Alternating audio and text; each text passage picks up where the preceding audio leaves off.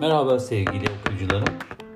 Bu haftaki yazım e, seyrettiğim e, bir e, küçük video kaydındaki e, LGBTİ onur yürüyüşünde dans eden e, İsveç polislerinin e, eyleminden hareketli e, Nietzsche ve Sokrates'in gözünden hayata bakış açılarını inceleyip dersler çıkarmaya çalıştım.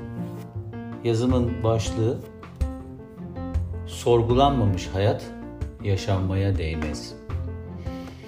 Bazen bir fotoğraf, kısa bir video kaydı veya sokakta dolaşırken gözün alanına giren bir görüntünün verdiği mesaj, onlarca hatta yüzlerce kitabın vermek istediği, anlatmak istediği hayat derslerinden çok daha çarpıcı oluyor.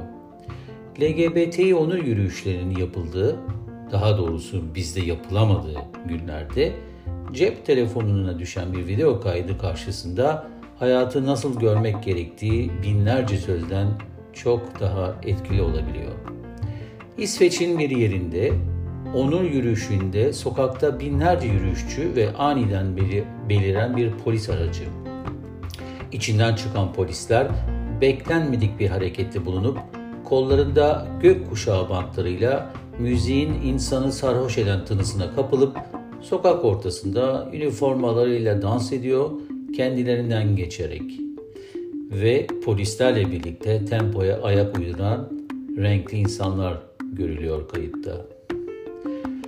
Polisler düşüncelerinden ve cinsel yönelimlerinden dolayı kimseyi suçlu olarak görmüyor ve yürüyüşçülerin dünyalarına girerek mutluluklarını paylaşıyor, dans ediyorlar çılgınca herkeste büyük bir mutluluk. Zira hayatı ancak olumladığı, yücelttiği müddetçe mutludur insan, polis dahil olmak üzere. Hayatı olumlayarak ve onu yücelterek mutlu olunabileceğini sağlamıştı Friedrich Nietzsche. İçgüdülerini dışlamayan insanın sevinçle hayatı karşılayabileceğini, bu yolda da sanatın ve özellikle müziğin ona en büyük yardımcı olacağını sağlamıştı. Zira sanat yaratıcı dinamikleriyle kişi ona içinde olması gerektiği söylenen sürüden ayrılma kabiliyeti vereceğini ve hayatını böylelikle daha mutlu geçirebileceğine inandıracaktı. Sürü hayatı insanı çürüten, dekadansa götüren, kapalı, monoton ve bu hayatı değil de bilinmeyen başka hayatlar adına davranışlarını sınırlandırarak yaşadığı hayatı zindan edecekti. Sürüyü ve ahlakını ve onun değerli gördüğü suç, günah, merhamet, acıma, ceza, çilecilik gibi değerleri olumlayarak gerçek özgürlük ve mutluluğa ulaşamayacaktı insan. Sürüden ayrılan insan hayatı olumlama yoluyla kendi yaratacağı yeni değerlerle kendini gerçekleştirecek ve gerçek mutluluğa o zaman varacaktı Nietzsche'ye göre. Ve kendi omuzları üzerine çıkan insan o andan itibaren amor fati yani kaderini sev diyecekti. Sürü ahlakının yarattığı kötücül ve sahte kader yerine. Nietzsche'ye göre bu hayattan başka hayat yoktu. Her şey yaşanılan hayattaydı. Zaten Tanrı'yı da öldürmüştük. Olmayan başka hayatlarda sözde mutlu yaşama uğruna içgüdülerine ve tutkularına gen vurmayı dikte eden ve sınırları kalın duvarlarla ayrılmış iyi ve kötü kavramlarının içine hapseden, onu boğan sürü hayatı, yaşamı olumlamayan, insana neşesini kaybettiren ve mutsuz kılan bir sözde ahlak anlayışına sahipti. Nietzsche, hayatı olumlamak bağlamında Sokrates öncesi antik Yunan insanını örnek gösterip onlara hayranlığını her daim teslim edecekti. İçgüdülere, biçime ve oluşa önem veren, tutkulu ve estetiği hayatlarında olmazsa olmaz yapan antik Yunan'ın hayatı olumlayan özelliğinin insanı mutlu kılan yegane form olarak değerlendirecekti. Lakin Nietzsche'ye göre Sokrates'le başlayan yeni düşünce biçimi bu güzelliği insanlığın elinden alacak ve hayatı olumlayan insanın yerine aklın ve bilginin yaratacağı erdemle insanın mutlu olacağını sağlayan Sokrates'i alabildiğince eleştirecekti ayrıksı düşünür. Sokrates'e göre insanı doğru ve mutlu yaşama iten yegane olgu bilgiydi ve onu kötülüğe savuran da bilgisizlikti. Nietzsche'nin Sokrates'i eleştirmesinin arkasında yatan ünlü Yunan düşünürün hakikati arama yolundaki iyi niyetine ve bu bağlamda geliştirdiği diyalektik metoda rağmen yaşamı uzun süren bir hastalık olarak görmesi ve bu nedenle onun sahici ve hakiki bir yaşam sürememiş olmasıydı. Nitekim Sokrates zehir içip intihar etmeden evvel kaldığı cezaevinde onu görmeye gelen arkadaşlarına yaşam bir hastalıktır diyecekti. Bu kadar ünlü olan müritlerinin yanından ayrılmayıp bir dediğini iki etmedikleri bir hayatta neden kötümser kalmıştı Sokrates? Bu soruyu soran Nietzsche, Sokrates'in kendini aldattığını ve bu hayatı hiç sevmediğini, bu nedenle bile bile ölüme ve sonunda intihara kadar gittiğini sağlayacaktı. Zira Sokrates hayatı olumlayan bir yaşam dokusuna sahip olamamıştı. Bilginin erdemi ve bunun da mutluluğu getireceği sanısına kapılarak hayatını mahvettiğini ve insanlığın Sokrates'le birlikte dekadansa çöküşe geçtiğini iddia edecekti. Zira akıl mutluluk getirmiyordu insana.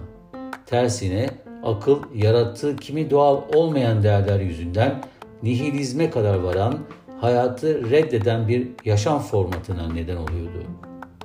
Sokrates bir anlamda batının metafizini yaratmıştı ve insanı mutlu kılacak bir formülü yoktu bu yaşam biçiminin.